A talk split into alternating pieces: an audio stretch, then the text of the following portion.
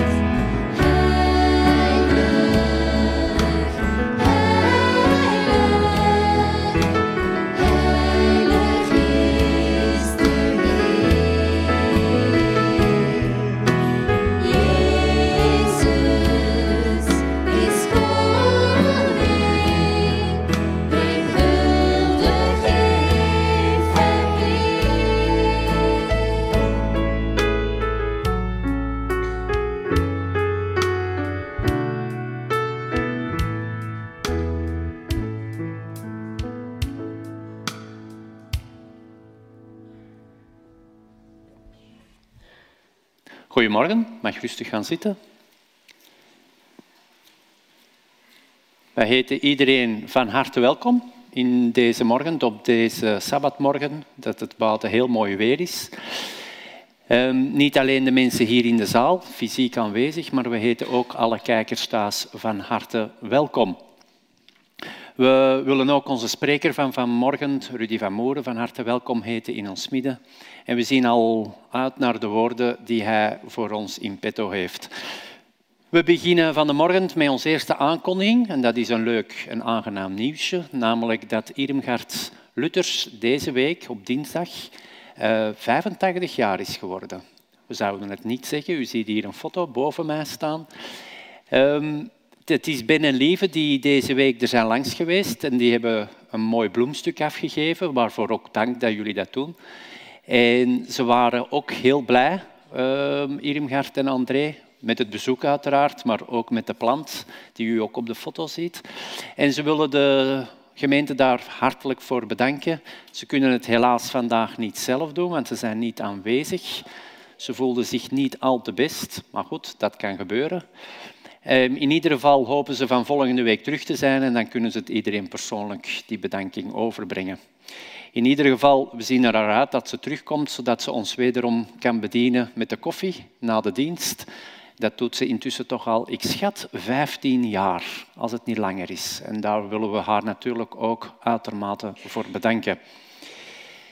De jeugd wil ook iedereen bedanken. Degenen die het krantje hebben gelezen weten waarover het gaat, namelijk over de quiz van vorige week. S'avonds. Er waren elf enthousiaste ploegen aanwezig, dus we waren daar toch met een kleine 70 man.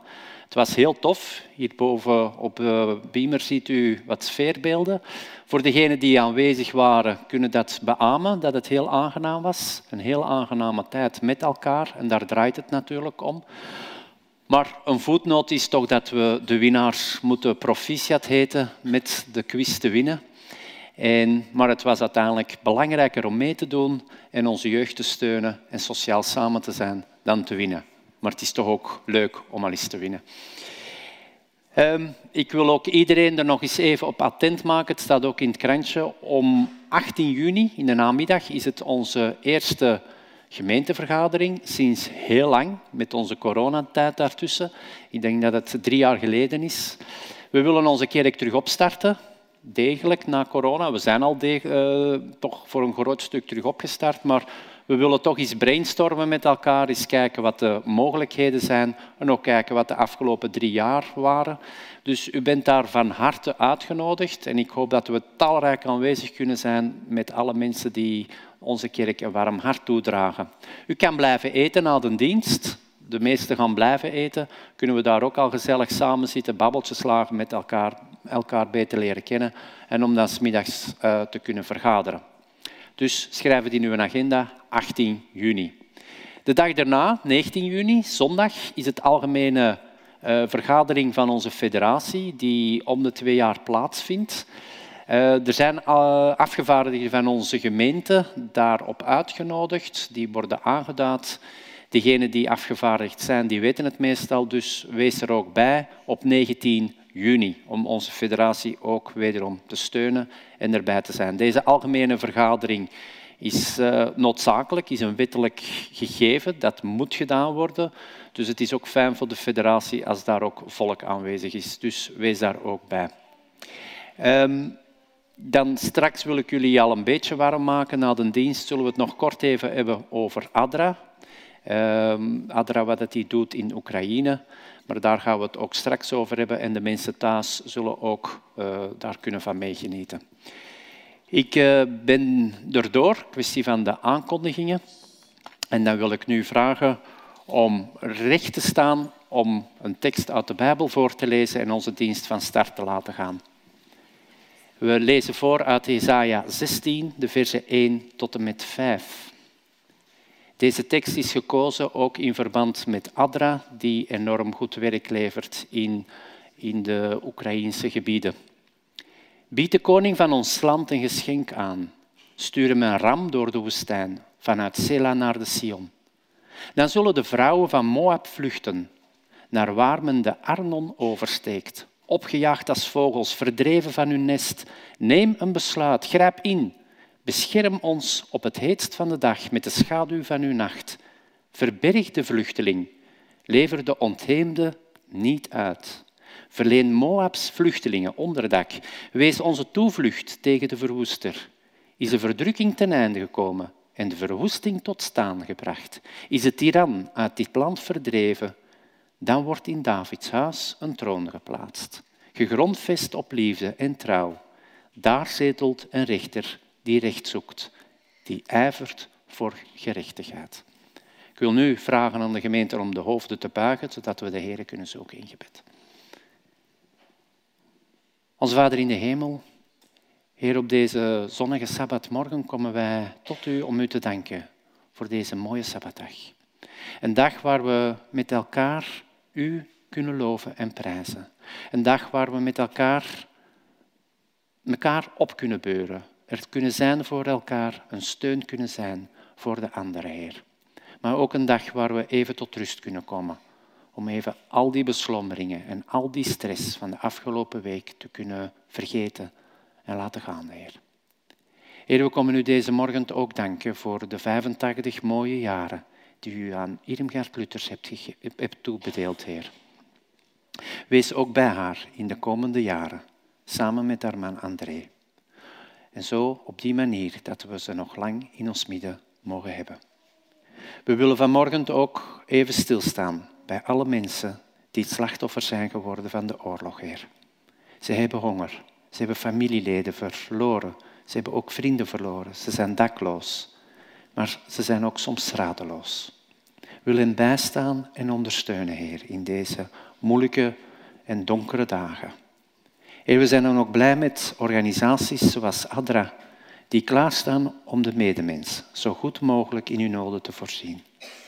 In tijden van nood, zoals deze in oorlogstijd, Heer.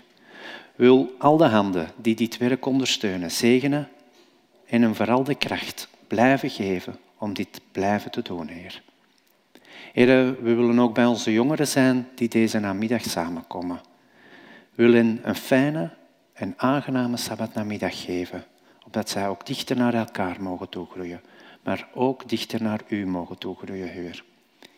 Heren, dit alles vragen wij en danken wij U in de naam van Jezus. Amen.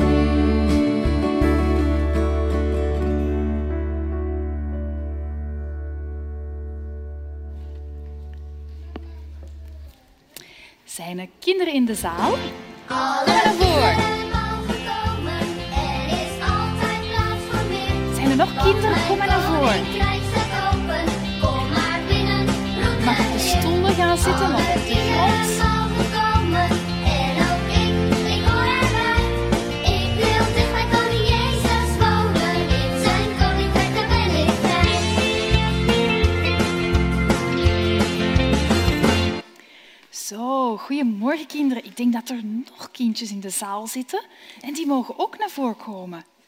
Want weet je, vandaag ga ik van jullie allemaal koningen en koninginnen maken. Kijk eens, we hebben hier kroontjes staan. En kom maar naar voren. Alina, wil jij koningin worden? Oh, Alice is sneller. Alice? Ja? En de jongens mogen koningen zijn. Kom maar. Want weet je, vandaag gaat het verhaal over een hele bijzondere koningin en ook een bijzondere koning.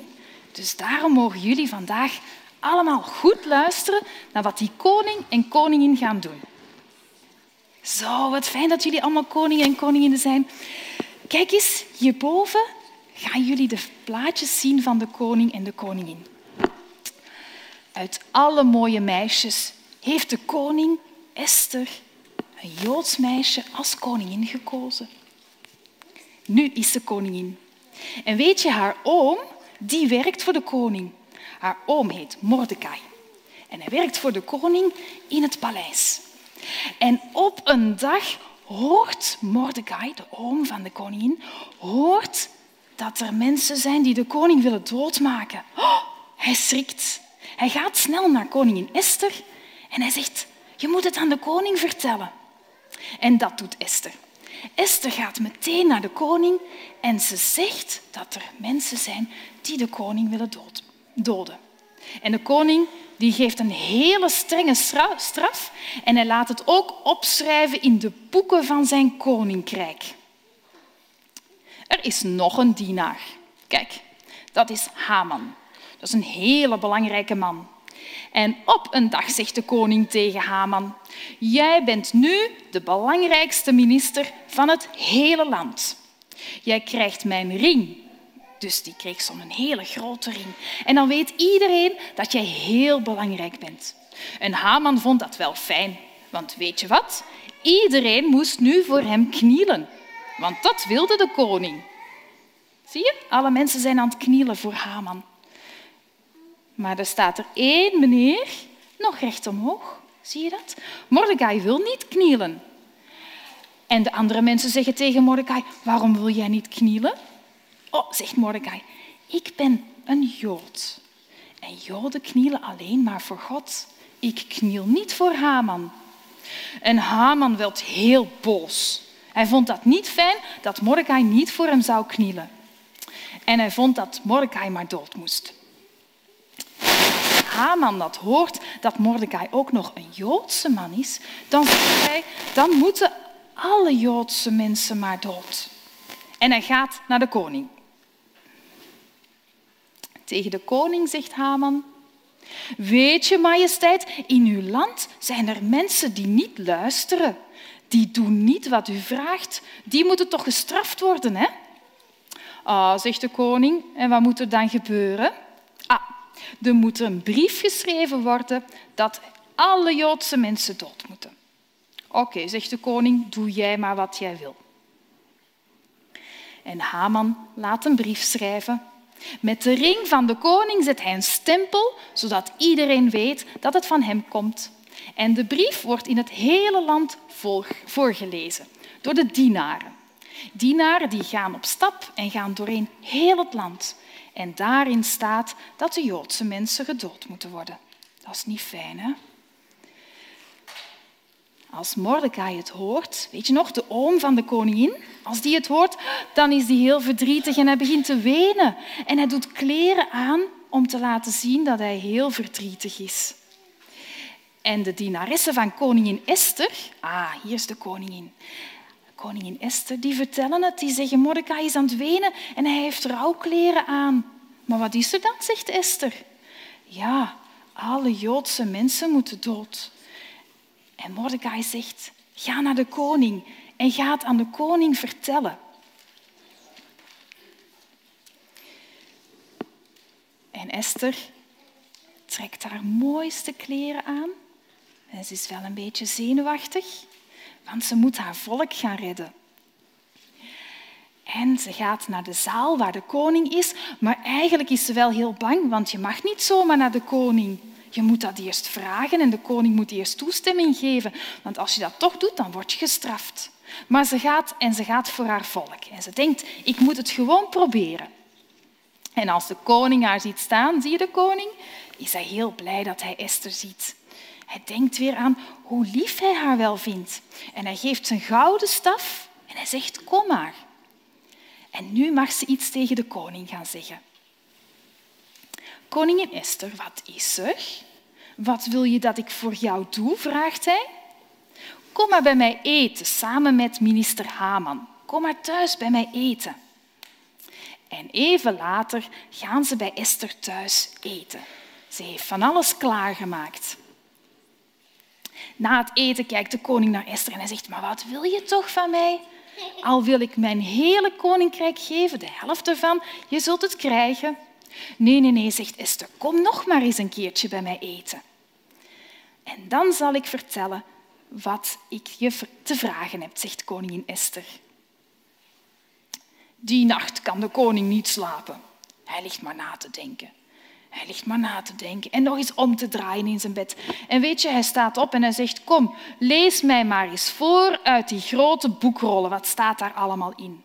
Oh, daar staat in dat Mordecai u gered heeft. Want er waren mensen die u dood wouden hebben en Mordecai heeft dat voorkomen. En dat was net op tijd. Ah, oh, zegt koning. En is die dan beloond? Nee, dat denken we niet, zeggen de dienaren. De volgende dag vraagt de koning aan Haman. Ik wil iemand belonen. Wat zou ik daarmee moeten doen? Oh, zegt Haman. En hij denkt, dat ben ik. Hij gaat mij belonen.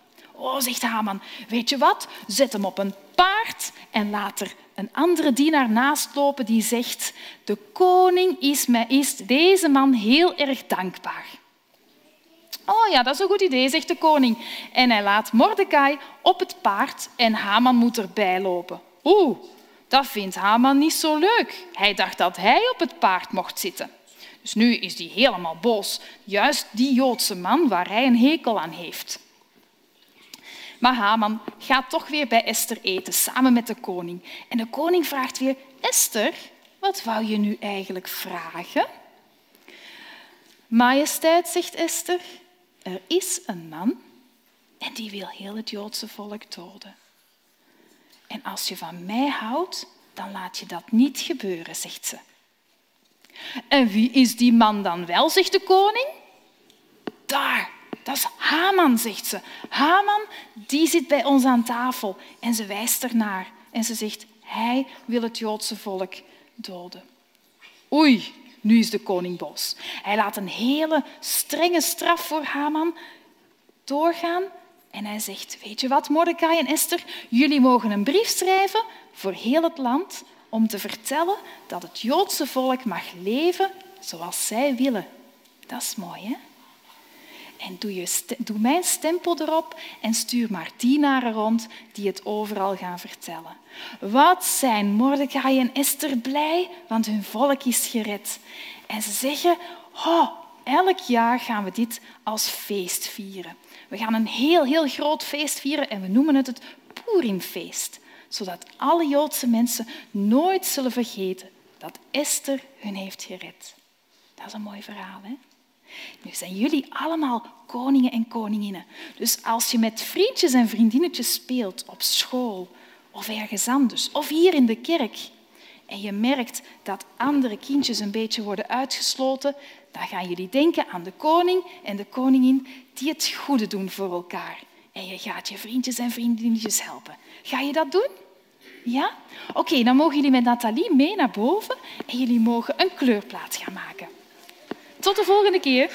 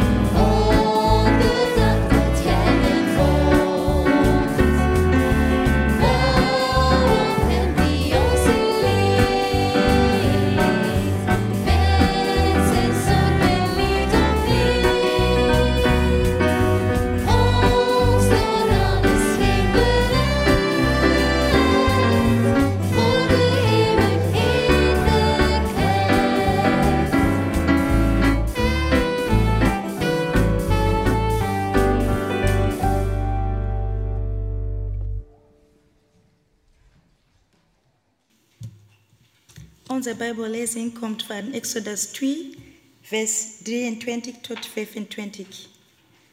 Jaren gingen voorbij en de koning van Egypte stierf. Maar de Israëlieten gingen nog altijd onder dankbaarheid gebukt. Ze klaagden luid en hun hulpgeroep stieg op naar God. God hoorde hun jammerkrekten en dacht aan het verbond dat hij met Abraham, Isaac en Jacob had gesloten. Hij hoe de Israëlieten en leden en trok zich hun tot aan. Onze tweede schriftlezing komt van Rut 1, vers 1 tot en met 5. In de, tijd, uh, in de tijd dat de rechters het volk leidden, brak er een hongersnood uit in het land. Een man trok daarom met zijn vrouw en zijn twee zonen weg uit Bethlehem in Juda, om een tijd lang in de vlakte van Moab te gaan wonen. De naam van de man was Elimelech, die van zijn vrouw Naomi. En zijn twee zonen heten Machlon en Kilison. Um, het waren Ephratiten uit Bethlehem in Juda. Toen ze in Moab waren aangekomen, bleven ze daar als vreemdelingen wonen.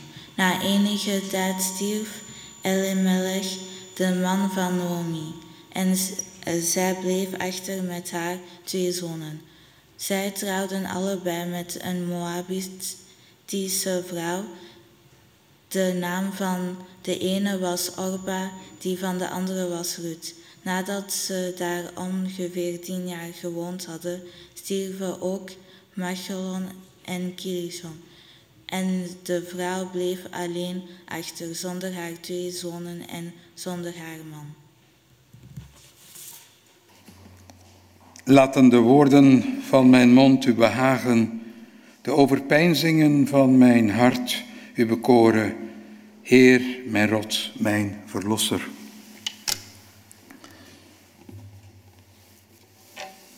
Wat als een drama zich voordoet in het leven? Ik ben ervan overtuigd dat zowat iedereen in deze zaal wel een of ander drama in zijn leven heeft meegemaakt. En dat kunnen grote drama's zijn geweest, kleine drama's, misschien voor tieners kleine verdrietjes. Maar hoe dan ook zijn er momenten in ons leven waarin het niet goed ging. En natuurlijk zijn er de mega grote drama's zoals op het ogenblik met uh, wat er gebeurt in Oekraïne. Uh, er zijn de drama's van corona geweest. In de woonzorgcentra, mensen die te vroeg gestorven zijn, jonge mensen, zijn drama's. Maar er zijn natuurlijk een heel groot palet van drama's die zich kunnen voordoen. En Heel dikwijls ontkomen we er niet aan. En is het heel moeilijk om daarmee om te gaan en dat een plaats te geven. En ach, de volgorde is helemaal willekeurig. Men kan ineens plotseling blind worden, een drama. Men kan een ongeval hebben en er gehandicapt uit voortkomen of sterven, een drama. Je kunt een overlijden hebben in de familie.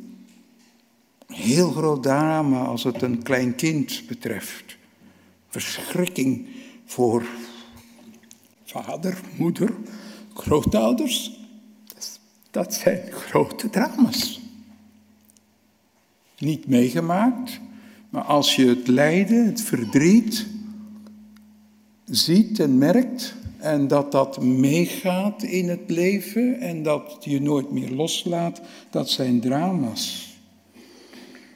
Je kunt uh, misschien mishandeld zijn geweest, misbruikt in je kinderjaren. Je kunt uh, als vrouw verkracht zijn geweest, toen je misschien nog heel jong was. Of je hebt als vrouw psychologische terreur meegemaakt of ook als man kan gebeuren. Er zijn van die momenten dat je het een ramp vindt dat je gezakt bent voor je examen en dat je het jaar moet overdoen. Helemaal verschillende soorten drama's. En die kun je niet met elkaar afmeten. Die zijn niet met elkaar te vergelijken. Je job verliezen, terwijl je juist het zo goed deed. En toch ineens. Je kunt uh, buitengesloten zijn in je kinderjaren, tienerjaren. Maar ook soms als volwassenen op je werk. Je kunt gepest worden, gekrenkt. Je kunt uh, heel andere orde een huisdier verliezen waar je zo gehecht aan bent. Allemaal verschillende soorten drama's, dramatjes van verschillende proporties. Um, ineens een, een vruchtafdrijving die je niet gewild hebt. Drama's, een echtscheiding, drama's. Voor beide partners of voor één partner vooral, of voor de kinderen. Afgewezen worden in de liefde. Ja, of uh, ja, zelfs denken van, het hoeft voor mij niet meer. Leven heeft geen zin meer. Drama. Een burn-out, waar je denkt, ik kom er nooit meer uit. Het zijn allemaal verschillende soorten gevoelens, drama's waar je doorheen gaat, je minder waardig voelen. En uh, ja, hoe ga je daarmee om? Er zijn geen pasklare antwoorden voor. Er zijn geen oplossingen voor.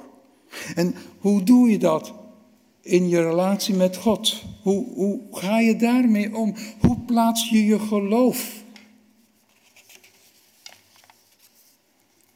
Zoals altijd, als we met uh, vragen zitten, bepaalde ideeën zitten, lijkt het mij altijd belangrijk om te zien of we inspiratie kunnen vinden in Gods Woord. Dat gaan we proberen vandaag. In het besef dat uh, het geen antwoorden zullen zijn die echt voldoende zijn, afdoende zijn. Dat het geen oplossingen zijn. En dat je opgelucht adem kunt halen. Nou weet ik het allemaal en nou uh, komt het allemaal voor elkaar. Ik kan dat allemaal goed plaatsen. Nee, ik probeer met uh, drie voorvallen uit de schrift um, wat mogelijkheden aan te reiken. Waarin uh, u zich misschien helemaal kunt vinden, misschien helemaal niet. Waarin je zegt van, hé, hey, daar kan ik me aan optrekken. Of juist uh, in tegendeel erg teleurgesteld zijn. Um, het eerste verhaal, dat hebben we daar juist horen voorlezen, dat uh, gebeurt in Egypte. Um, de, de farao is overleden, nieuwe farao, al heel lang een nieuwe farao. En de Israëlieten die daar eerst verwelkomd werden uh, met een Jozef, met een Jacob, het gaat helemaal verkeerd. Het is echt verschrikkelijk. Ze moeten voorraadsteden bouwen, ja, met eh, bakstenen, met leem, met mortel en noem het allemaal op. Maar ze worden mishandeld. Het is dwangarbeid geworden. Ze worden als slaven behandeld. Van de vroege ochtend tot de late avond. En dat uh, dag in, dag uit. Zeven dagen op een rij en weer zeven dagen op een rij. En de rabbijnen hebben daar veel natuurlijk over gepraat en gefilosofeerd. En eigenlijk zeggen ze, ja, dat je hard moet werken, keihard moet werken, heel erg hard. Dat is niet het echte probleem. Het echte probleem is als je moet blijven werken zonder ophouden. En jullie begrijpen het, het zijn rabbijnen, dat je geen Sabbat kunt vieren. Dat is een, een groot drama. En ja, dat, dat drama houdt in dat ze lijden. En niet één dag, niet één week, maar jaren achter elkaar. En ja, en God dan? Wat, wat doet God dan? En uh, ja, in een tekstgedeelte dat u kunt vinden in hoofdstuk 3, vers 7 tot en met 9, staat er heel duidelijk dat hij zegt, ik heb de ellende van mijn volk gezien. Ik heb het gezien. Ja, het is niet gewoon waarnemen. Ik waarneem dat, uh, dat daar op Kingsliederen daar de piano staan. Ik merk daar uh, een, een gitaar. Nee, hij ziet. Hij ziet. Hij ziet heel intens naar datgene wat er gebeurt. En hij hoort het gejammer. Dat horen, dat dringt door tot aan zijn trommelvliezen. Dat uh, geeft hem bij wijze van spreken koude rillingen uh, over zich. En hij zegt, en ik weet hoe zij lijden. Ik weet het. Nederlanders zeggen dan uh, bijvoorbeeld, ik heb er weet van. Hij heeft er weet van. Maar dat betekent dat hij voelt het ook. Hij vereenzelvigt zich ermee. Want weten en kennen in de Bijbel, dat is een intiem kennen. Dat is een door en door kenning. En dat is, dat is iets wat verenigt in het kennen. En met andere woorden, als hij zegt, ik weet het dat ze lijden, dan betekent dat hij empathie heeft. En empathie, dat betekent invoelen, meevoelen. Hij blijft niet uh, onaangeraakt. Het raakt hem van binnen. Hij wordt één met hen, hun lijden, hun gejammer, hun geschreeuw, zoals er letterlijk staat in de vertaling. En hij leeft mee. In een zeer intense manier. En dan staat het verhaal dat hij daalt af in de braamstruik op de Sinaï, waar Mozes met zijn schapen is. Hij daalt af en komt naar beneden in de braamstruik. Niet in een hoge steder van de Libanon, majesteitelijke boom, nee, in een doornstruik. Een doornstruik, ja, die uh, ja, miserig is stekelig is, die uh, eigenlijk niet bestand is tegen weer en wind en er staat in brand. Staat in brand, maar hoewel die doornstruik brandt, het brandt niet op. Het blijft branden. En dat allemaal is een teken om aan te geven van Israël is die doornstruik. En God daalt af in die doornstruik. Hij wordt één met Israël. En Israël is daardoor hè, miserig, klein, ja, kwetsbaar. En kan niet tegen de andere bomen op. Het is de geringste van alle boomsoorten. En het feit dat de struik niet opbrandt, betekent dat het met Israël niet afgelopen zal zijn. Dat het niet zal verdwijnen maar dat het zal blijven bestaan. En dat gecombineerd met God die daarin afdaalt, betekent het dat God zichzelf vernedert. Om duidelijk te maken dat Hij, God, de Almachtige, met de geringste is. Hij is één met Hem. En het verhaal gaat verder, hij blijft niet leidzaam toezien. Hij zegt, Mozes, jij, jij gaat ervoor zorgen dat Israël uit Egypte vertrekt. Eh, jij moet zorgen dat het ophoudt met dat lijden, met dat gejammer, met stroop je mouwen maar op. En daarmee biedt God een nieuwe toekomst voor Israël. Dat Israël dat leidt. Vrouwen en kinderen moeten meewerken. Ze zien af. Maar Mozes moet een oplossing brengen. En Mozes, ja, we kennen dat verhaal. Alsjeblieft, niet zend iemand anders, ik kan dat niet. En God zegt, ik zal bij jou zijn. En als het zover is, dan zal ik zijn diegene die ik zal zijn. Wees ervan overtuigd, ik zal er zijn op het moment dat het nodig is. En we kennen dat, God houdt woord. Hij hoort woord, ja, en hij leidt samen met, samenwerking met, in synergie met Mozes leidt hij het volk uit Egypte. En terwijl hij die dingen zegt, biedt hij een toekomst aan. Weg hier naar een mooi land, een goed land. En daar zullen jullie kunnen lezen, leven. Dus in die ellende, in het drama van de Israëlieten, biedt God een open deur, een open venster, een toekomst. Dat is één verhaal. Dat is een God die ingrijpt in het lijden van mensen. Is dat uw Godsbeeld? In uw specifieke ervaring? Heeft u dat meegemaakt, dat God in uw leven, terwijl u midden in drama zat, op een gegeven ogenblik het zicht weer krijgt van het komt goed? Het tweede verhaal waar ik naar zou willen verwijzen is datgene wat daar juist ook gelezen is. Dat is dat verhaal in het uh, boekje Rut.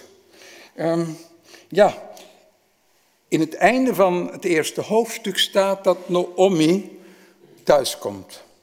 Ze komt thuis en uh, de burinnen die zeggen, ah, daar is Naomi.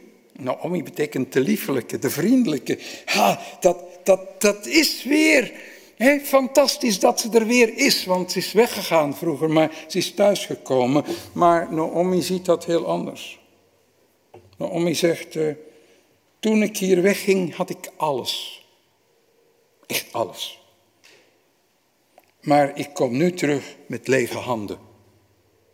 Drama in haar leven. Niet één drama, niet twee. Verschillende drama's die zich hebben opgevolgd. Natuurlijk, natuurlijk heeft ze veel geleden en veel ellende meegemaakt. Ja, uh, het begon met honger, dat hebben we gelezen. kwam honger in Bethlehem. Ja, en ja, haar man en zijzelf besluiten om dan maar weg te trekken. In leven in een ander land, in een vreemd land, waar ze eigenlijk niet thuis horen. En ze leven daar nog maar een tijd, ja, en haar man sterft. Weduwe. Ik denk dat het heel erg moet zijn. En sommigen onder u hebben dat al beleefd. Dat uh, je bent samen met je partner door het leven gegaan. En ineens sta je er alleen voor. En dan is er maar één oplossing. Er is maar één weg en dat is de weg vooruit, verder gaan. Maar met al dat verdriet, met die eenzaamheid, dat zijn drama's. Ja? En ja, na verloop van tijd trouwen naar twee zonen met Moabitische vrouwen. Kan niet, mag niet. Maar ze doen het, ja, en daarna gaan die ook dood. Dan blijft ze helemaal alleen achter. In een land dat het haar niet is, waarin de regels van de Torah niet gelden, de regels van de Torah die heel duidelijk nadruk leggen op het zorgen voor weduwen en wezen, is er niet. Dus ze is verpletterd door dood en ellende. Ja, en daarom zegt ze, goh, ik had alles, maar nu kom ik met lege handen. En welke reden geeft ze daarvoor op? Ja, eh, ze zegt heel duidelijk, de Almachtige heeft mijn lot bitter gemaakt. Noem me nu maar Mara, bitter. Ik ben niet meer die liefelijke. Ik ben getekend door het leven. Er blijft alleen nog maar over bitterheid, eenzaamheid, ellende en verdriet. Ten tweede, de Heer heeft mij met lege handen laten terugkomen. Geen man meer. Zonen, twee zonen, fantastisch voor een vrouw in het oude Midden-Oosten. Want dan wordt de naam van de man doorgegeven en blijft er over hem gepraat. En dat is de manier voor een garantie van dat je naam niet uitgewist wordt. Maar ze zijn dood. En dan zegt ze als derde, de Almachtige heeft mij kwaad gedaan. Hij is schuldig. Hij, El Shaddai, Shaddai is een moeilijk begrip. Je kunt het eigenlijk een beetje weergeven als hij die nageslacht geeft. Hij zorgt ervoor dat je kinderen krijgt. Maar hij is ook diegene die alles weer terug kan nemen. En daarom wordt dan in het Nederlands ja, de Almachtige gebruikt om Shaddai weer te geven. Maar is haar beschuldiging terecht? God heeft mij kwaad gedaan. Hij, hij die God van mij, die God van ons. Ja, er kwam natuurlijk een hongersnood. Maar er staat niet bij dat God die hongersnood heeft gezonden. Komt gebeuren. Kan gebeuren in bepaalde landen. Ja? Elimelech en Naomi hebben besloten om Bethlehem de rug toe te keren. In de steek gelaten. Boas is gebleven. Jullie kennen het verhaal. Maar zij zijn weggegaan. Ze zijn gaan wonen in Moab, waar ze niet thuis horen. Moab, het land waar de vader niet is. Weg van de vader, weg van Bethlehem, Bethlehem, huis van brood. In Ephrata, de regio van vruchtbaarheid. Ze hebben er zelf voor gekozen. Ze hadden kunnen blijven. Elimelech sterft, maar niet omdat God dat wil. Staat niet bij. En God doodde Elimelech. En de twee zonen die trouwen met Moabitische vrouwen. En dat, dat kan niet. Mag niet. En ze doen het toch. En ook zij sterven, maar niet omdat het Gods wil is. Hij doodt hen niet.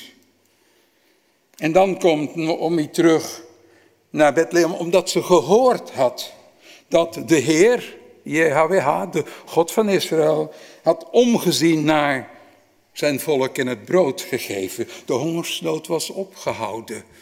Ja, is dat echt zo? Als er hongersnood komt, heeft God daar dan een hand in? Houdt de hongersnood op omdat God daar een hand in? Kan natuurlijk. Maar ze heeft het gehoord. Het kan ook zijn dat het de interpretatie is van de Judeërs en de mensen in Bethlehem. Van, oh, de hongersnood is op. Dankzij God.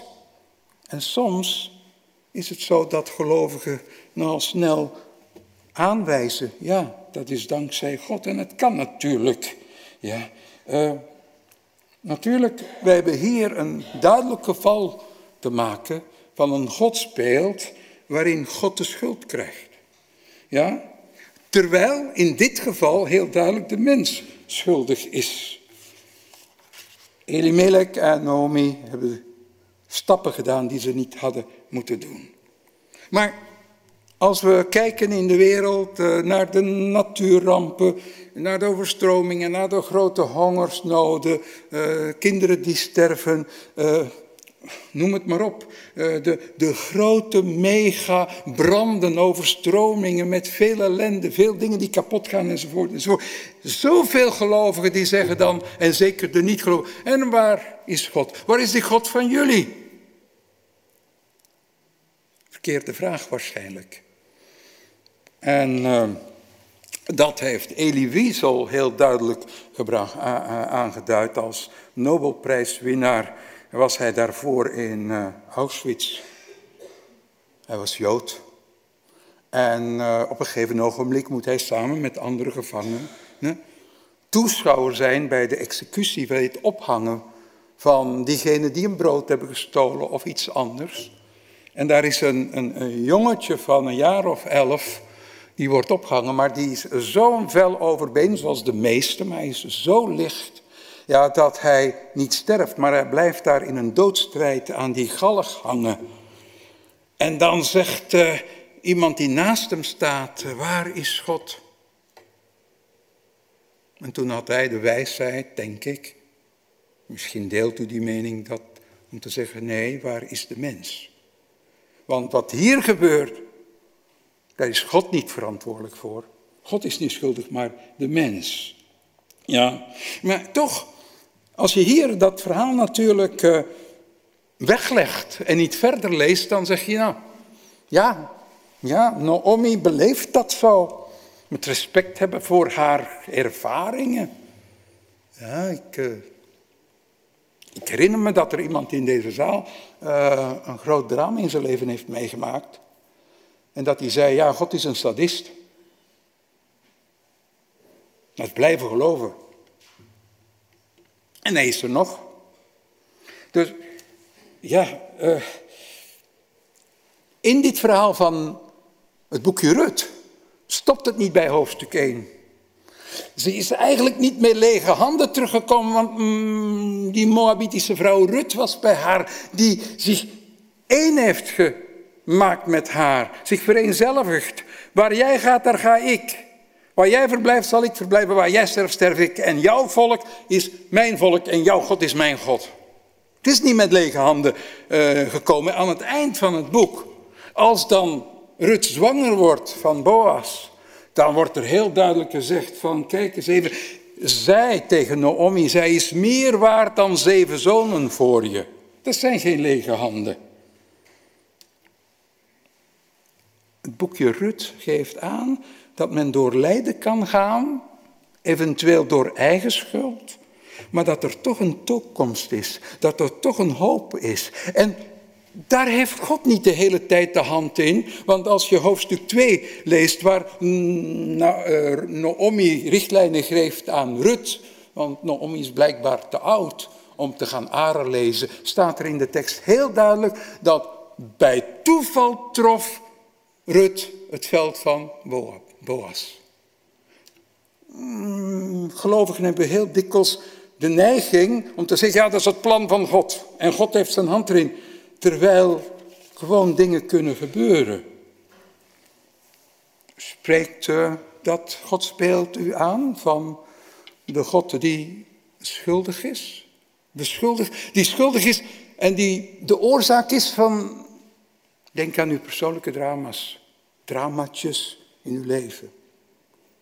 Heeft God daar zijn hand in? Is hij schuldig? En dan gaan we naar een derde verhaal.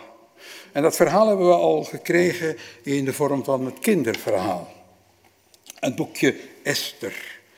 Uh, een ander godsbeeld krijgen we hier. En misschien is dat uw godsbeeld, misschien helemaal niet. Maar het is heel interessant dat, uh, en ik wist niet dat zij dat zou doen, maar dat onze dochter Riverena, ik schat dat ze ongeveer elf jaar was, ja, mij vroeg, papa wil je eens over Esther preken? Ik heb erover nagedacht, ik heb het niet gedaan. Ik heb het echt niet gedaan. Uh, ze was helemaal weg van Esther, misschien nog. Maar toen, ja, mooi meisje, goed figuur staat er in de tekst. En haar verdeelding ging uh, een loop met haar gevoelens. En ik heb het toch niet gedaan. Keiharde vader, ongevoelige vader. Heeft ze nooit gezegd. Ze bleef maar hopen dat ik eens een keer zou preken over heb ik niet gedaan. Ik heb over die andere prachtige vrouw Rut gepreekt. En verschillende keren zelfs. Ja, maar laten we nou eerlijk zijn. We hebben een kinderverhaal gehoord en het is een mooi kinderverhaal. En dat er wat gedood wordt, ja, dat kom je in meer sprookjes terecht. En kinderen kunnen dat wel ergens wat plaatsen. Maar in dat verhaal van Esther, er zitten heel wat haken en ogen die nooit uitgespeld worden. Want men leest er overheen vind het zo mooi, hè? Ah, al die, al die jonge meisjes die daar uitgeselecteerd worden in dat grote land met 127 gewesten, hè, naar het hof gebracht. Ja, worden helemaal verzorgd gedurende heel lange tijd. Het zijn allemaal beauties. En uh, ja, de contest is Miss Persia. Miss Persia moet, uh, Persia moet gekozen worden. Ja, en jullie weten toch voldoende, we zien genoeg op televisie van die beauty-wedstrijden waar de Miss hè, België, de Miss United States, de Miss Sri Lanka worden uitgezocht. Allemaal mooie plaatjes van vrouwen, maar ja, ze moeten allemaal de revue van de koning passeren, zoals ook de organisatoren van elk van die uh, miswedstrijden. maar uh, ja, laat ons uh, elkaar nu geen ja, gekke Henkie noemen. ze moeten niet alleen de revue van de koning passeren, maar ook tussen de lakens van de koning, zodanig dat hij zijn keuze kan. Kun je toch niet aan een meisje van elf jaar gaan vertellen? Kun je het toch niet doen? Maar er zitten nog meer hoken en uh, haken en ogen aan. Nog veel meer, want uh, er wordt nogal wat gesproken over doden. Die Haman, jullie hebben het gehoord, hij wil die Mordecai, die Jood, die, die haat hij, want hij wil niet knielen. En daarom moet heel dat volk van Joden maar ausgeradeerd worden. Ze moeten weg. En hij krijgt het bij de koning die zich van geen kwaad bewust is, want hij krijgt de informatie van ja, dat volk leeft niet volgens uw wetten. Want ja, ze moeten, zich knielen, ze moeten knielen en doen ze niet. En nog andere dingen. Dus uh, ja, maar dit verhaal gaat wel over vervolging, over uitmoorden, over wraak nemen, over ophangen, over oorlog. Want Haman krijgt het voor elkaar dat er een wet wordt uitgevaardigd dat op een bepaalde dag alle Joden moesten vernietigd worden. Verdwijnen. Komt ons bekend voor. Ja? Maar als je begint te lezen is het toch een prachtig verhaal. Het begint met een heel groot feest. Een groot feest uh, dat uh, heel lang duurt voor al zijn leidinggevende, vijf maanden aan een stuk. En daarna nog eens een week feesten met het hele volk. De koning heeft een geweldig rijkdom en we weten dat uit de geschiedenis, dat de koningen van Perzië echt uh, dat konden. Ja? En ja, toen Mordecai gehoord had van het plan van Haman, ja, uh, scheurde hij zijn kleren.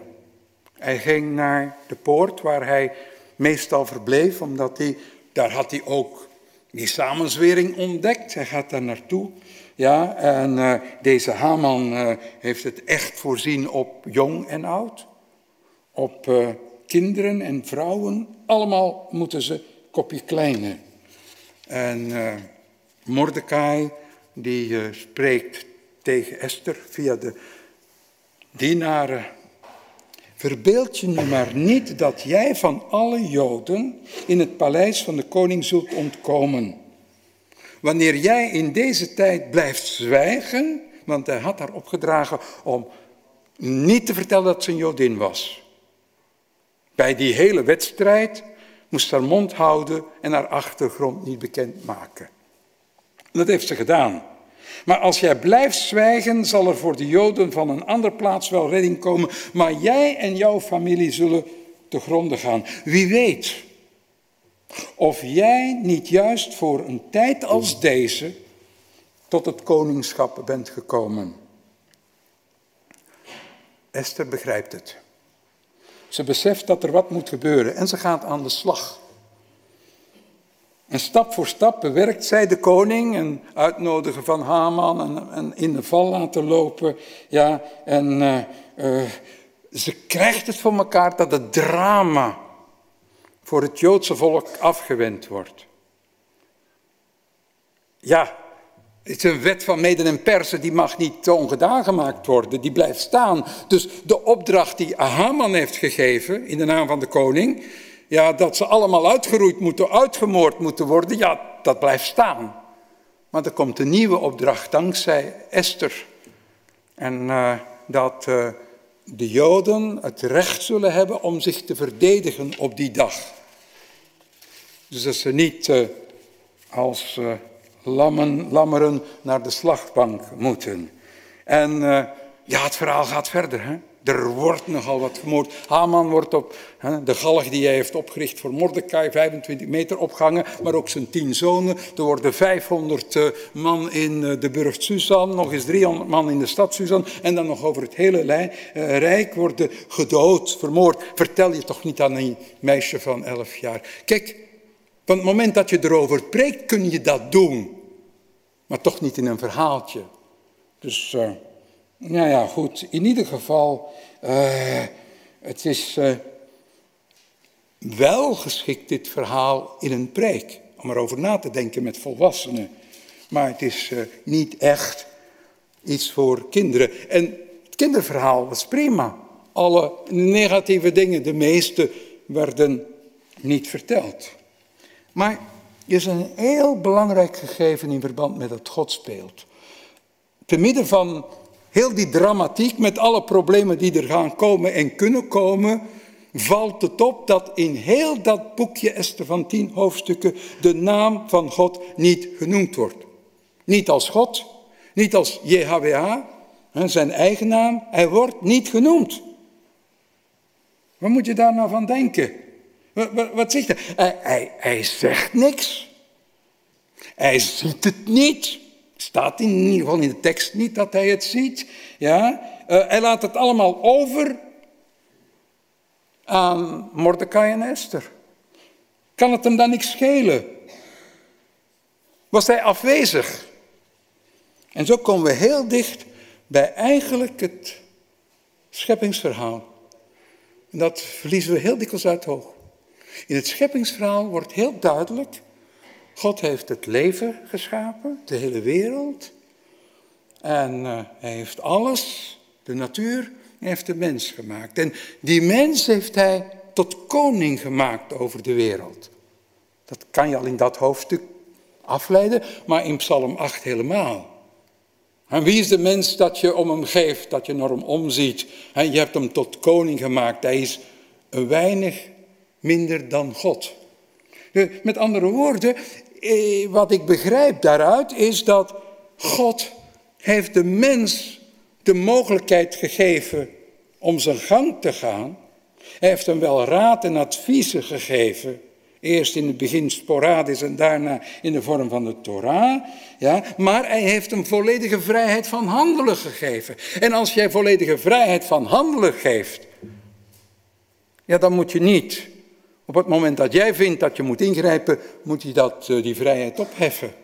En dat is dus aan de ene kant het mooiste goed wat wij als mensen hebben. Dat we vrij zijn, dat God ons vrijlaat. Aan de andere kant is daar een schaduw. Want als we natuurlijk in ons leven het anders aanpakken dan dat God het eigenlijk aanraadt, dan wordt het een probleem. En toch blijkt uit dit boekje Esther bijvoorbeeld dat God het aan de mens overlaat. Waar is God? Nee, waar is de mens? En ik weet niet of u met dat godsbeeld kunt leven. Ik heb het wel eens vergeleken met een man die een heel groot bedrijf heeft met verschillende dependances. En zijn zoon is opgegroeid, heeft opleiding gehad en heeft alles onder de knie. En de vader zegt, nou, uh, die dependance die is voor jou en je kan ermee doen wat je wilt. En ik hoop dat je dat en dat en dat doet. Volledige vrijheid. Ja, als die zoon het dan anders gaat doen. Ja, wat moet God dan, wat moet die vader dan doen? Kan hij dan ingrijpen? Je doet het helemaal verkeerd. Nee, hij heeft volledige vrijheid gegeven. En dat is eigenlijk onze existentie. Dat is ons bestaan. Dat is onze relatie met God. En wat blijkt dan? Dat terwijl hij de vrijheid aan ons heeft gegeven, hij zijn eigen vrijheid heeft ingeperkt. God heeft zich ingeperkt. En terwijl hij misschien zou willen handelen, doet hij het niet, omdat hij ons respecteert. Laten we eens even tot een afronding proberen te komen. Waar, zoals ik in het begin heb gezegd, geen pasklare antwoorden zijn. Er zijn geen oplossingen. En ieder van ons zal het maar mogelijk anders aanvoelen. En dat mag. Dat kan ook, want het is ons leven. Ja, uh, omdat wij allemaal wel eens één of meerdere drama's in ons leven hebben beleefd, groot of kleine. En dat we er op een of andere manier er doorheen zijn gekomen. Ja, en het misschien een plaats hebben kunnen geven, misschien niet. Misschien blijft het aan ons vreten, dat kan. Ja, is de vraag natuurlijk in welke mate daarbij God aanwezig is geweest in uw ervaring. Heeft u Gods aanwezigheid gevoeld, zoals de Israëlieten dat hebben gedaan? De Israëlieten hebben het heel duidelijk meegemaakt. Ze waren in de grootste ramp terechtgekomen, maar daar is een God die het gezien, gehoord heeft en er weet van had en ingegrepen heeft. Mogelijk is dat uw God speelt. Of zou het kunnen zijn dat wanneer u door uw dramatje of drama of heel groot drama heen bent, of de drama's in de wereld uh, ziet, dat u kwaad bent geweest op God of kwaad wordt op God. Ja, het recht hebben we. Er zijn prachtige uh, rabbijnse verhalen of een musical zoals Fiddler on the Roof. Dat je op een gegeven moment, dat Joodse mensen kunnen kwaad worden op God en dat mag ook. En ze komen daar doorheen en er komt een nieuwe tijd voor hen. Um, ja, dat gevoel van Naomi dat God haar gestraft heeft. Dat God de oorzaak is van alle ellende, dood en bitterheid die ze meemaakt. Dat is ook een godsbeeld. Is dat uw godsbeeld? Kan, afhankelijk van wat u beleeft, wat u ervaart. Maar misschien, misschien heeft u de ervaring zoals uh, dat boekje Esther het weergeeft. Ja, dat God zich niet heeft laten zien. Dat hij niet van zich heeft laten horen. En dat er voor de mensen, Mordecai en Esther, er niets anders op zet om er tegen te gaan vechten, om de mouwen op te stropen. stropen. En dat te doen alleen of met de hulp van anderen, is dat misschien uw ervaring? Is dat uw God speelt? Zo hebben we drie vormen, misschien zijn er meer. Dat is eh, het godsbeeld van een ingrijpende God. Je zit in de problemen, je bidt tot God en je verwacht dat Hij zal ingrijpen. Je jammert, je verdriet, maar God zal ingrijpen. Of uh, heb je toch het beeld zo een beetje van, ja, uh, mijn God is een God die straft. Als ik het niet goed doe, en als ik gezondigd heb, en wie zondigt er niet? We struikelen allemaal, we maken allemaal stommiteiten in ons leven. Uh, ja, wat zegt schrift? Dat hebben jullie al meerdere keren gehoord. De rechtvaardige, dat is degene die van God houdt en probeert zijn wil te doen. Ja, die struikelt zevenmaal, maar hij staat weer op. Maar is uw God een straffende God? Of is het op het eerste gezicht een afwezige God? Boekje Esther. Hij komt er niet aan te pas. Als ik zo nadenk over deze drie verhalen, dan meen ik op te merken, en misschien gaat u erin mee, dat uh, ja, sommige drama's aan onszelf te wijten zijn. Onszelf in ons kleine leven, of uh, ons mensen in het algemeen, de mensheid in het algemeen. Maar ik leer ook uit die drie verhalen, want iedere keer is er een toekomst. Hè? Bij de Israëlieten is er een toekomst, beloofde land. Bij Naomi is er een toekomst. Ruth gaat op een gegeven hè, zorgen voor het nageslacht van haar man. Ja, uh, het komt goed op de lange duur. Of uh, in het geval van Esther. De moordpartij tegen de Joden gaat niet door. Uh, Auschwitz gaat zich niet in het klein voordoen, wat later wel het hoogtepunt is geweest. Ja, maar op een of andere manier is daar het beeld dat het ergens goed komt. Het, uh, het heeft wel tijd nodig. En er is lijden en misschien sterven er ook mensen en is er veel pijn. Maar dat komt toch omdat ja, de mens de verantwoordelijkheid draagt wat hij ermee doet. En dat er zo'n bewondering moet zijn voor God, omdat Hij ons lief heeft. Hij is als een ouder. Als ouder als je kinderen hebt, dan zie je soms dat ze de verkeerde kant uitgaan. En dan leid je mee. Maar er zijn momenten waar je niet kunt ingrijpen. En dan, dan bekijk je het van een afstand. En je beperkt je. Ja, er zijn natuurlijk vaders en moeders die zich gaan bemoeien in het leven van hun volwassen kinderen. Die zijn er natuurlijk. Maar zo is God niet. Uh, hij is die God die moed inspreekt. Die God die meeleeft, het mee beleeft en mee tranen heeft en mee blij is. Maar hoe dan ook, als ik tot het einde van de Bijbel doorlees, dan is er een mooie toekomst. Ondanks de vele dalen de vele catastrofen, de vele moeite, is een mooie toekomst. Want u kunt dat lezen in Openbaring 21, vers 4. Ja, het vooruitzicht hè, dat uh, hij de tranen van onze ogen zal afwissen. Er zal geen dood meer zijn, geen jammerklacht meer, geen pijn. Er zullen ook geen drama's meer zich afspelen, want het zal allemaal voorbij zijn. En graag wil ik de hoop uitspreken dat u en ik hier kracht uit kunnen putten. We hebben het niet in de hand. We kunnen het niet allemaal verklaren. We kunnen niet de oplossingen aanbieden dat er drama's zich afspelen in ons leven of in het leven van anderen. Maar staat u mij toe om af te sluiten. In die periode van het goede en het kwade wat we ervaren, om af te sluiten met Psalm 42. We kunnen er even heel dichtbij stilstaan. Beschouw die Psalm 42, is mijn voorstel, als een gebed. En wanneer ik het voorlees, en u kunt natuurlijk meelezen, Psalm 42, moeten de woorden gewogen en gewikt worden. Laat ze binnenkomen. Zoals een hinde smacht naar stromend water, zo smacht mijn ziel naar u, o God. Mijn ziel dorst naar God, naar de levende God. Wanneer mag ik nader komen en Gods gelaat aanschouwen. Tranen zijn mijn brood bij dag en bij nacht. Want heel de dag hoor ik zeggen, waar is dan jouw God? Weemoed vervult mijn ziel, nu ik mij herinner. Toen ik meeliep in de dichte stoet en optrok naar het huis van God, in een feestvierende menigte, juichend en lovend. Wat ben je bedroefd, mijn ziel, en onrustig in mij. Vestig je hoop op God. Eens zal ik hem weer loven, mijn God die mij ziet en redt. Mijn ziel is bedroefd, daarom denk ik aan u.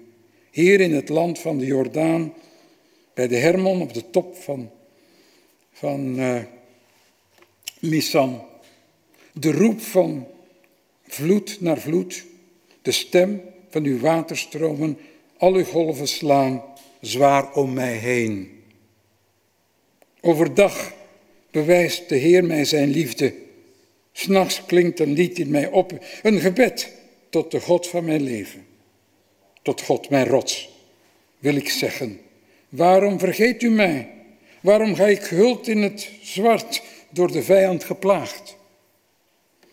Mij gaat door merg en been de hoon van mijn behagers. Want ze zeggen heel de dag, waar is dan toch jouw God? Wat ben je bedroefd, mijn ziel, en onrustig in mij. Vestig je hoop op God. Eens zal ik hem weer loven, mijn God die mij ziet en redt. Amen.